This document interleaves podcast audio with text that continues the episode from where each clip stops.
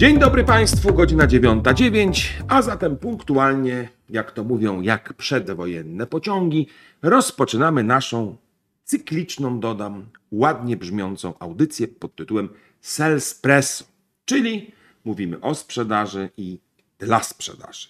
Ja się niezmiennie nazywam Dariusz Milczarek i dziś zapraszam na rozmowę z moim absolutnie fantastycznie nowym gościem, którym jest Marcin Bożymowski.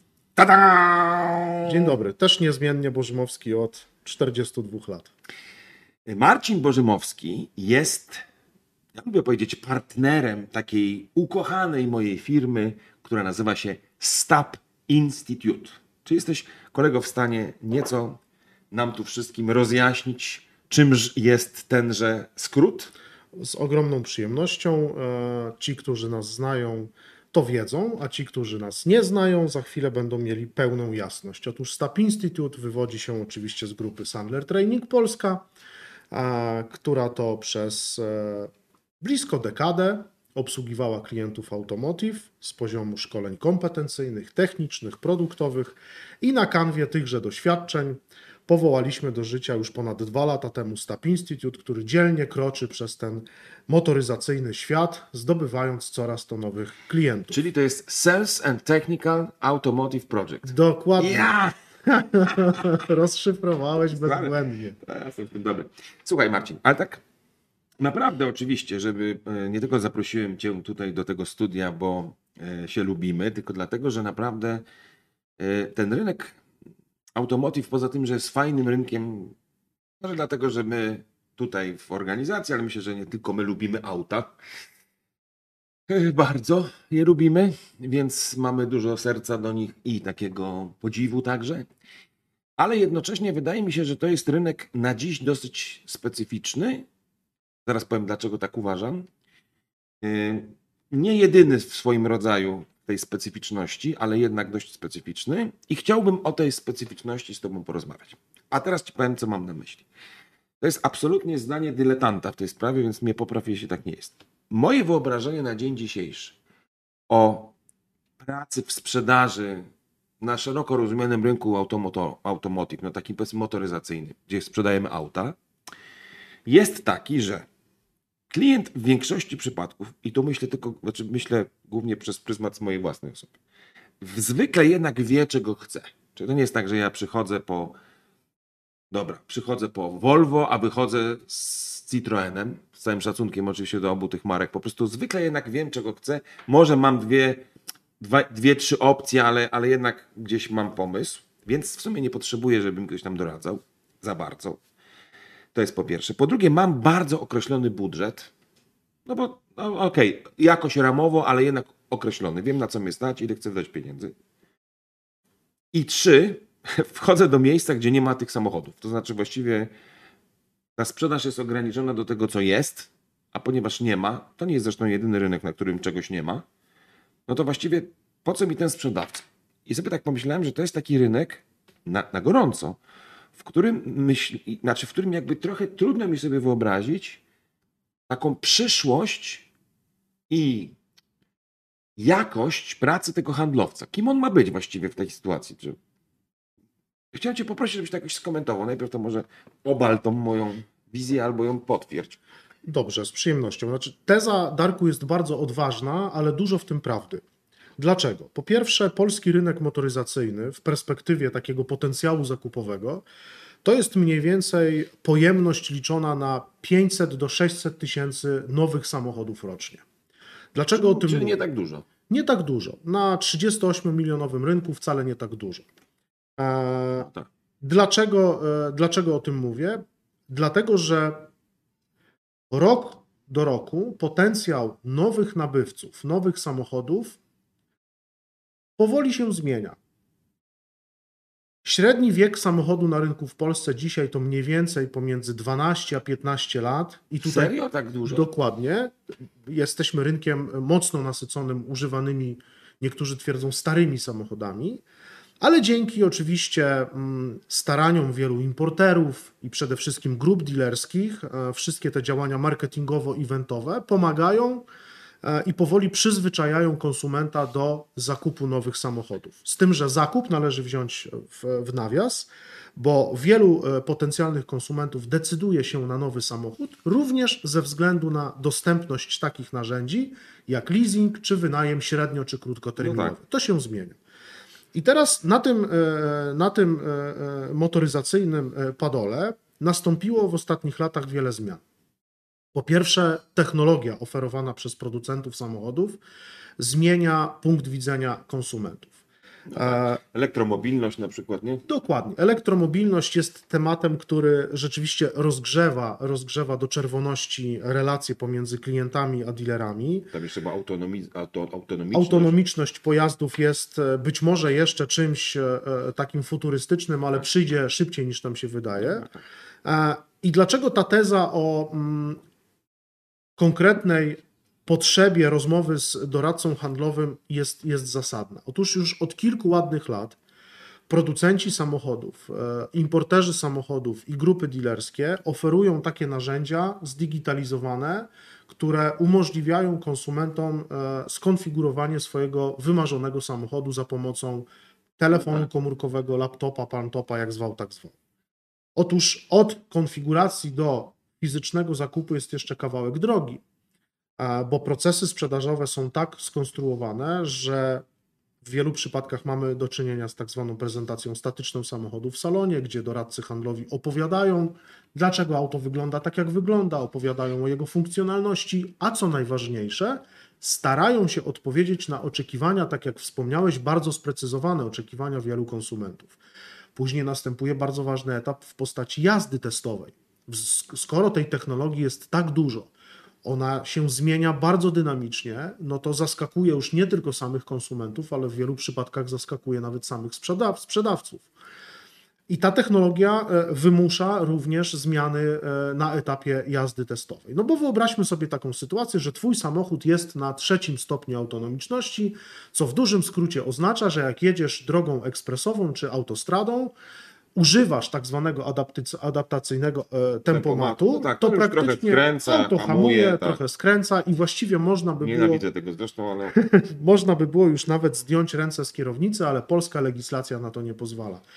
To są przecież wyzwania stojące przed handlowcami. I teraz Twoja teza jest o tyle, e, o tyle uczciwa, że jeśli handlowiec nie radzi sobie w tym procesie handlowym z tymi wszystkimi wyzwaniami, to rzeczywiście konsument ma prawo zadać pytanie, czy on jest potrzebny. No tak, ale zobacz.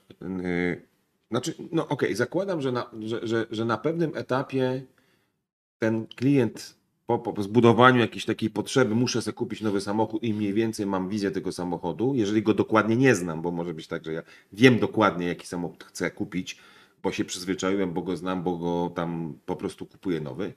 No ale to, to jak gdyby. Do czego mi ten sprzedawca wtedy jest potrzebny? Ja rozumiem, że on może trochę mi pomóc, tam nie wiem, lepiej go skonfigurować, albo mówię pana, a, a myślał pan jeszcze o innym samochodzie. Nie, nie wiem na ile ten taki cross-upselling, rozumiany w taki trochę sposób, wiesz, potoczny, że człowiek przychodzi, wiesz, po bułki, a wychodzi z wędką, to wiesz, to, to, czy to w ogóle na tym rynku jest możliwe? No trudno mi sobie naprawdę teraz wyobrazić taką sytuację, że ktoś przychodzi po samochód, a wychodzi na przykład po, po sportowy, a wychodzi z suwem. No nie wiem, mo- może, może, może tak nie jest. No dobrze, to pewna statystyka może będzie pomocna e, w odpowiedzi na to pytanie. Polski konsument szukający nowego samochodu w salonie to jest zmierzony, to jest fakt. Okej. Spędza średnio 27 godzin w internecie na różnego rodzaju konfiguratorach, oglądając różnego rodzaju autotesty i na tej podstawie podejmuje jakże racjonalną decyzję, czy ten samochód w takiej konfiguracji, w takim kolorze i z tym silnikiem jest dla niego. okej. Ale doskonale wiesz, Darku, że psychologia bywa przewrotna. I pomimo tego, że konsumenci planują zakup w miarę racjonalnie, to sama decyzja o zakupie tego właśnie konkretnego modelu jest decyzją oczywiście emocjonalną. A skoro jest emocjonalną decyzją, to handlowcy będą potrzebni, żeby te emocje wywoływać. Dobra, słuchaj, Marcin, na ostatnim naszym wejściu antenowym trochę yy, próbowałeś albo no, za- zacząłeś sypać pewnymi faktami w oparciu, znaczy w odniesieniu do tego, co ja powiedziałem, czyli że być może w ogóle ten handlowiec yy, branży motoryzacyjnej, ale też już w innych wielu branżach, przestaje być potrzebny. No właśnie, bo klient wie więcej, bo dostęp do informacji ogromny, bo producenci, dystrybutorzy wystawiają różne narzędzia takie e-commerce'owe, żebyś se samemu wszystko ogarnął i w zasadzie praktycznie zamówił. Ty mówiłeś ciekawą myśl, że tam dwadzieścia kilka godzin przeciętny Polak spędza, zanim kupi auto w internecie, Dokładnie. na różnych porównaniach, aż mi się nie chce wierzyć, ale być może tak jest, no, są badania, to znaczy, że tak jest. I w pewnym momencie powiedziałeś, no dobra, ale decyzja jest emocjonalna. To znaczy, że jest tu w związku z tym po tych wszystkich analizach jakaś pierwsza decyzja, myśl w głowie kolegi konsumenta, klienta, no ale powiedziałeś coś takiego, że jednak tutaj jest miejsce na psychologię, a to znaczy, że jest miejsce na wpływ, a to znaczy, że jest miejsce na handlowca. Dobra, ale jesteś pewny, że to każdy konsument rzeczywiście podejmuje te decyzje emocjonalnie? Ja mam wrażenie, że to jest tak jak z, z różnymi produktami. No po prostu niektórzy patrzą funkcjonalnie na pewne rzeczy, zwyczajnie po prostu analizują, co im, który element, czy który produkt najlepiej realizuje ich potrzeby, na przykład dowiezienia się z punktu A do B, albo tam wielkość, pojemność samochodu, albo ekonomiczność tego samochodu, albo tam różne inne rzeczy. Niektórzy się jarają samochodami, tak jak ja, i wtedy rzeczywiście tam mogę kupić nawet samochód, który w zasadzie ma potencjalnie może nie jest najbardziej bezawaryjnym autem, ale co tam bezawaryjność? Liczy się design i chemia, ale wiesz, tak jak mówimy o tym, że sobie ten klient może nawet skonfigurować i coś zamówić, to gdzie tu jest ten handlowiec? Co on może jeszcze zrobić według ciebie? To naprawdę No tak dobrze, to, to postaram się wyjaśnić, co miałem na myśli. A Dlaczego, dlaczego te emocje są w sprzedaży, w sprzedaży samochodów bardzo ważne? Ja bardzo często używam takiego mm, określenia, że sprzedaż samochodu z perspektywy handlowca, a zakup samochodu z perspektywy klienta jest zjawiskiem multisensorycznym. Krótko mówiąc, my kupujemy samochody, zresztą jak pozostałe przedmioty w naszym życiu codziennym również, z perspektywy różnych zmysłów. Oceniamy je poprzez dotyk, poprzez wzrok, poprzez No tak. słuch, a samochód jest wdzięcznym produktem właśnie do tej sprzedaży multisensorycznej. Powiedziałeś o tym, że struktura e, e, konsumentów jest bardzo zróżnicowana. I tu się z Tobą zgadzam, że są klienci, którzy traktują samochód jako środek transportu, koniec, Z kropka. punktu A do punktu B. Są też tacy klienci jak Ty, a znam Cię już trochę, więc wiem, jakie masz podejście do motoryzacji, że niezależnie od tego, jaki tam będzie logotyp na tym grillu, jak auto nie ma czegoś tego ukrytego, tego, co Ci daje fan, to Ty go nie kupisz.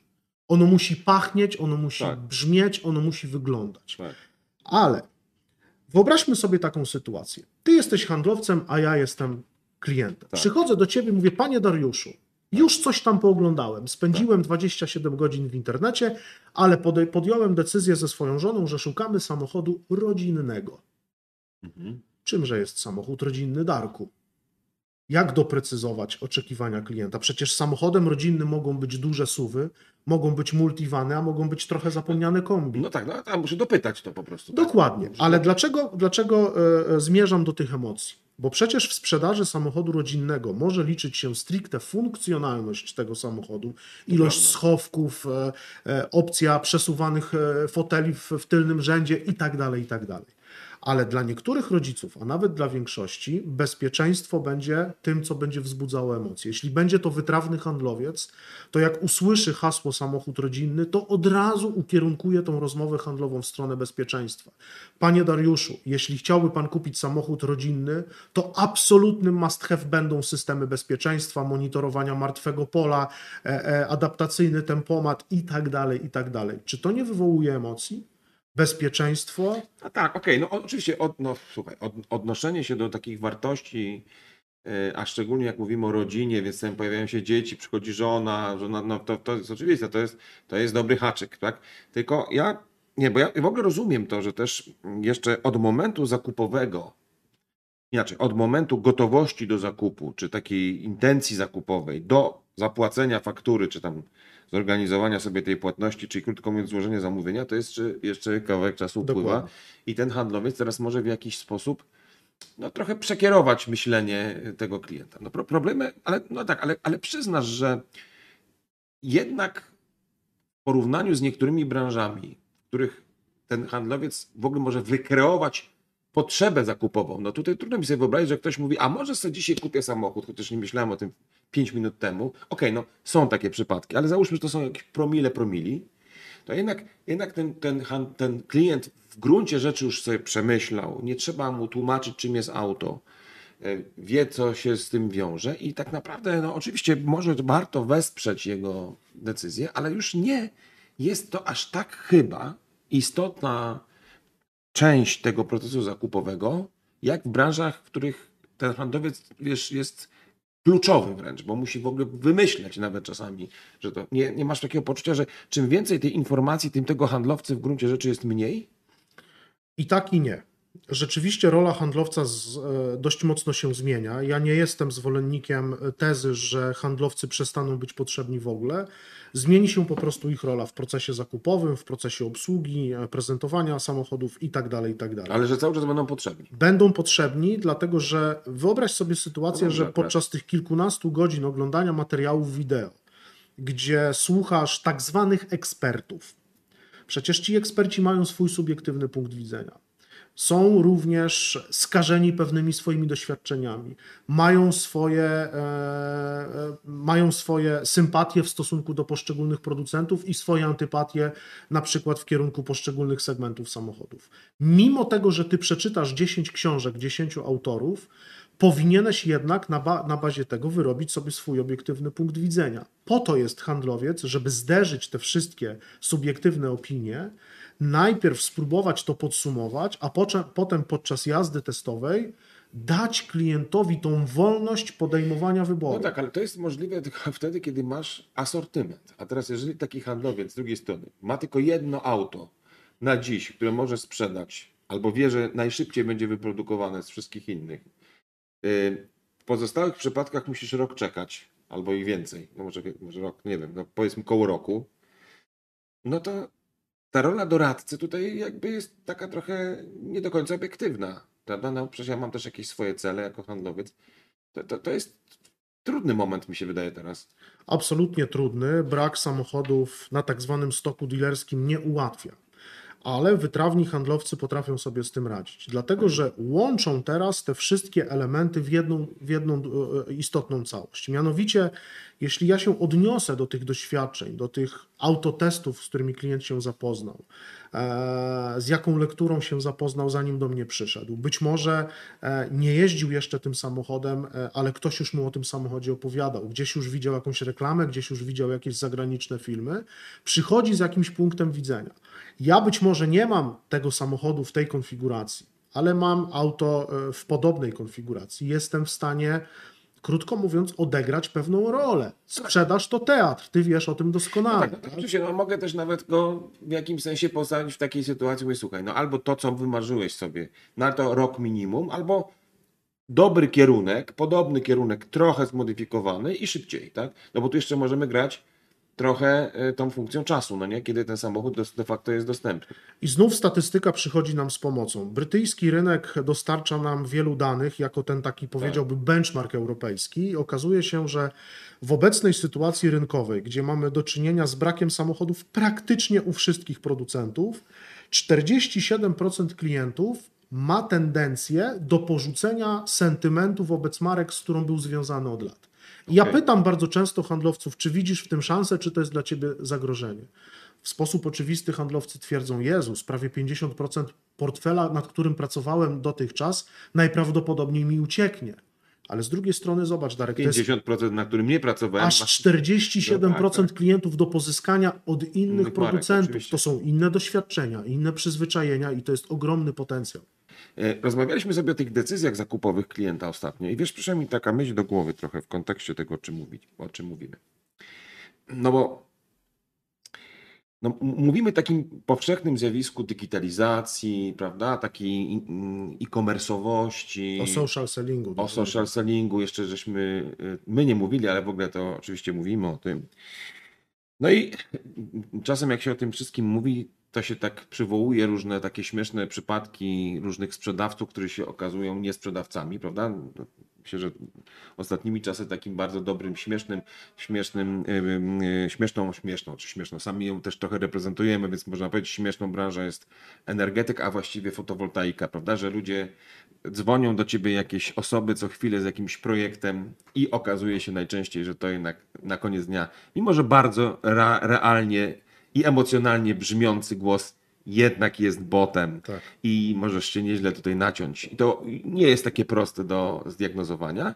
To już, że tak powiem, nie, n- pewnie już masz też takie doświadczenie, że to dzwonią boty do ciebie i mówią: Dzień dobry, jestem botem, nazywam się Filip i jestem wirtualnym sprzedawcą, z którym możesz pogadać.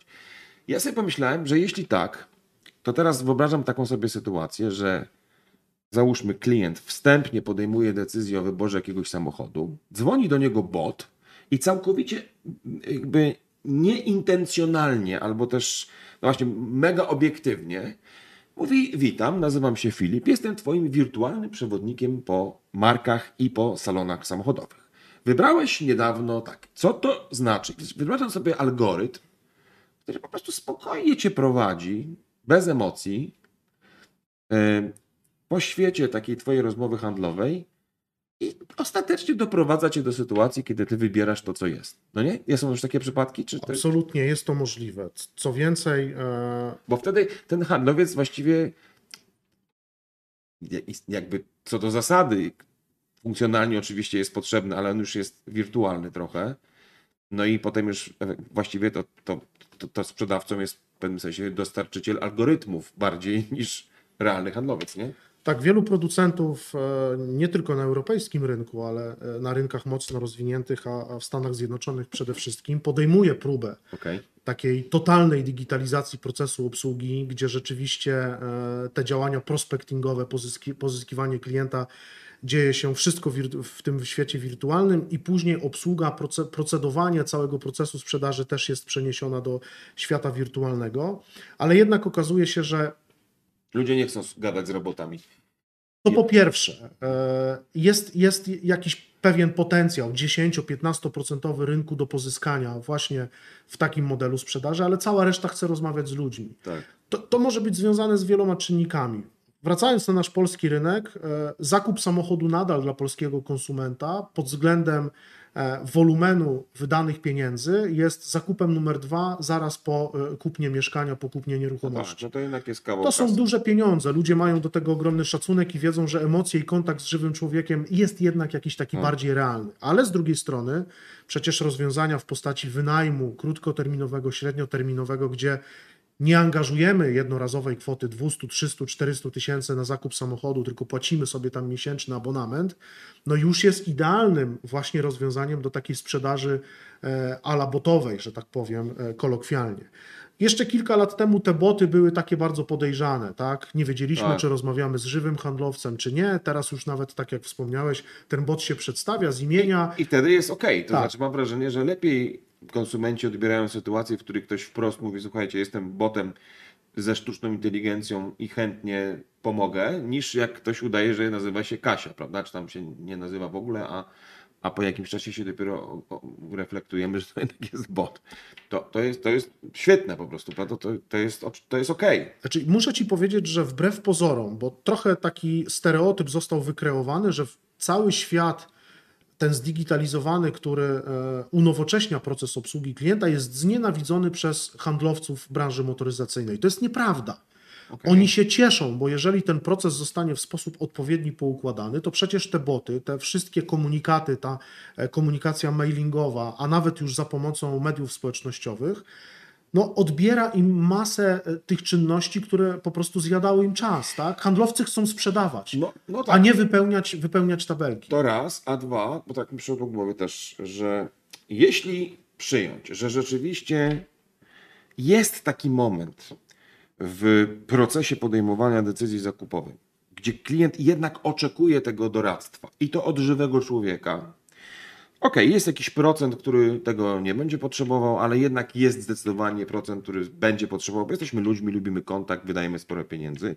To może nie warto się o to bać, to znaczy zawsze ten klient w którymś momencie do mnie wróci, a mój bot na przykład wykona zadanie, którego ja nienawidzę robić, czyli na przykład zimne telefony, czy na przykład wysyłanie set, setek różnych newsletterów, tekstów, zaczepianie na jakichś tam LinkedInach czy Facebookach, prawda? Że, że ja mogę zdelegować na bota, takiego umownie bota, różne zadania, które ja jako handlowiec sprawiają mi przykrość w pewnym sensie. Albo taką, wiesz, taką pieczołowitą, żmudną po prostu ni- nienawiść wzbudzają, prawda? No bo kto to lubi. To jest w ogóle jakaś, to by była taka dobra symbioza między botem a handlowcem, co? Jak najbardziej. Jako ekspert od sprzedaży doskonale, Darku, wiesz, że sprzedaż jest procesem, który się powinno lejkować. Krótko Tak. mówiąc, od ogółu do szczegółu. Handlowcy, którzy dzisiaj e, muszą się uczyć nowych technologii, muszą poznawać tą technologię organoleptycznie, muszą sami testować te samochody, chętnie oddaliby te czynności czysto operacyjne właśnie tym narzędziom zdigitalizowanym. Przecież wiele lat temu w wielu punktach dealerskich u niektórych producentów sprzedaż wyglądała w sposób następujący.